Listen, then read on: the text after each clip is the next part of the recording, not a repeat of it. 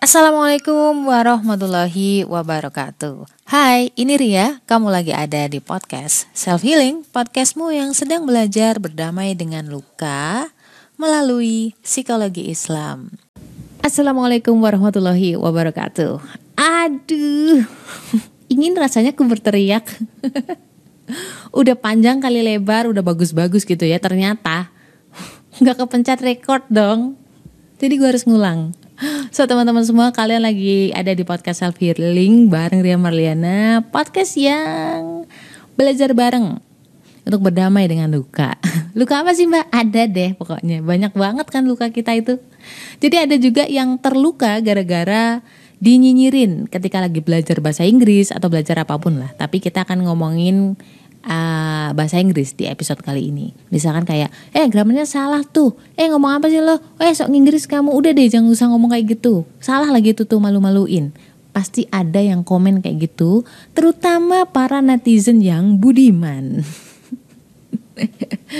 Dan sedihnya lagi adalah kita atau anak-anak kita justru trauma dan berhenti belajar karena uh, autokena mental gitu.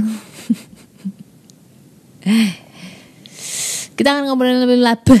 Kita akan ngobrol lebih lanjut. Jangan ke mana-mana. I'll be back soon. Insya Allah.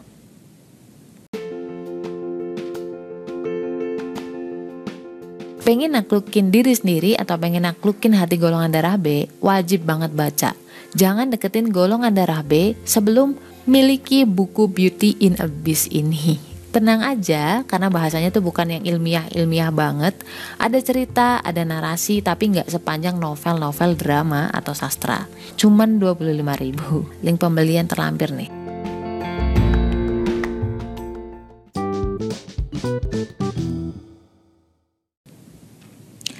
Oke okay guys, belum lama ini, sebenarnya udah lama sih. Jadi ini diawali dari Twitter ya. Di Twitter itu biasa kan orang pakai bahasa Inggris. Nggak tahu mereka memang mahir bahasa Inggris, nggak bisa bahasa Indonesia dan sebagainya, atau memang pengen belajar. Dan memang ada orang-orang yang memaksakan diri untuk belajar. Itu aku salut banget sama mereka. Tapi jangan lupa, tetap ada orang yang komen ngomong apa sih mas? Malu-maluin aja. Oh my god. Ketika berbuat salah ya entah grammarnya salah apanya salah lah tulisannya salah apalah itu pokoknya. Oke okay guys kita ngomongin ini dulu.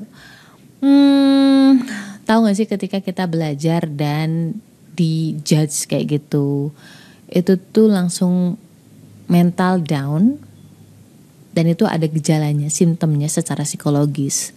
Bahkan di anak-anak mungkin di anak-anak zaman sekarang itu langsung nggak mau belajar lagi dan banyak banget kasusnya. Sebenarnya yang bikin Indonesia bodoh itu bukan orang lain kok. Itu kita-kita sendiri yang bikin mereka bodoh.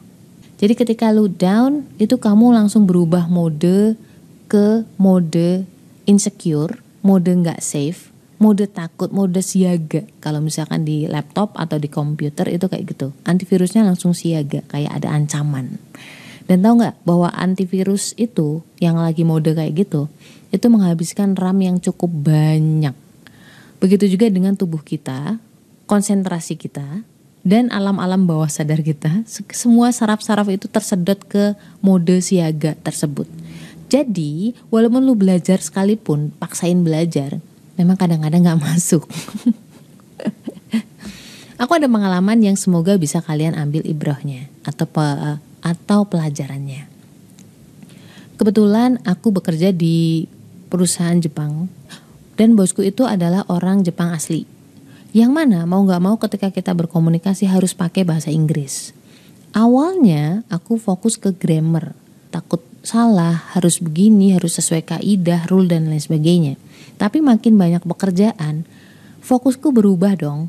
Fokus untuk report ya berkomunikasi dan bagaimana caranya agar bosku tuh paham mau lu grammar lo salah mau kamu itu jungkir balik pakai isyarat guling-guling pakai Google Picture apa pun Google Translate lah pokoknya yang penting bos kamu paham dan itu terkonfirm dulu yang awal fokusnya adalah ke grammar benar dan salah berubah menjadi fokus ke komunikasi. Ini penting banget.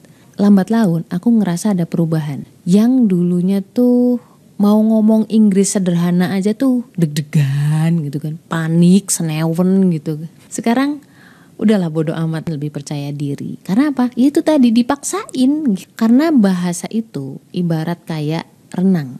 Sama-sama skill yang perlu kita latih, perlu kita praktekin mau kamu S3 lulusan doktor teori renang kalau lu nggak pernah praktek nggak pernah latihan jarang latihan lah katakanlah itu juga bakalan tenggelam kok. Belajar renang itu apa sih tujuannya?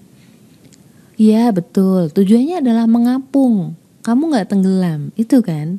Sama juga dengan bahasa Inggris. Bahasa Inggris itu adalah tool atau alat saja untuk berkomunikasi. Grammar salah ini itu bisa diperbaiki kok sambil jalan. Fokuslah untuk menyampaikan maksud hati menggunakan bahasa Inggris tadi. Emang bener banget nggak mudah ketika yang lo hadapi adalah orang-orang toksik tadi yang suka komen nyinyir. Caranya gimana? Caranya lo harus tahu sebenarnya apa sih tujuan mereka kayak gitu. Apa sih yang mereka mau? Come on guys, buka mata kalian bahwa akan selalu ada orang-orang yang butuh diakui bahwa mereka lebih pinter, diakui bisa, diakui mampu, tapi salah cara. Jadi dia menaikkan pamor diri dengan menginjak orang lain, dengan menjatuhkan orang lain itu ada orang-orang kayak gitu. Mungkin malah banyak banget ya di, di sini sekarang.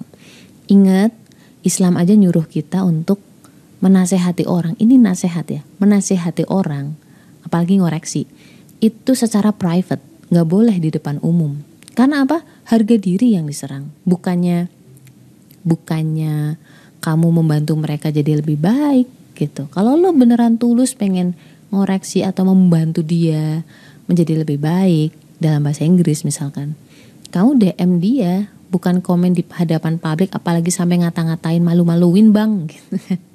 Kadang-kadang kalau mau nyinyir ke orang tuh aku khawatir gitu ternyata dia lebih mulia dibanding aku di hadapan Allah gitu kan.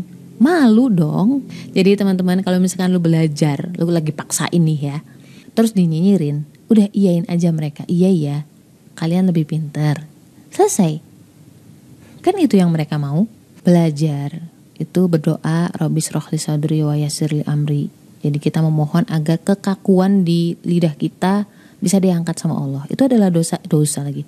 Itu adalah doa Nabi Musa. Karena beliau tahu beliau itu tidak pandai berbicara, apalagi ketika diliputi dengan perasaan. Ya ada sih karakter-karakter orang kayak gitu. Contohnya golongan darah B kalau udah marah itu belibet. Apa pun masalahnya seberat apa pun, jangan dipikul sendiri. Ada Allah, mintalah kekuatan sama Allah. La haula wala quwata illa billah. Stay love and assalamualaikum warahmatullahi wabarakatuh.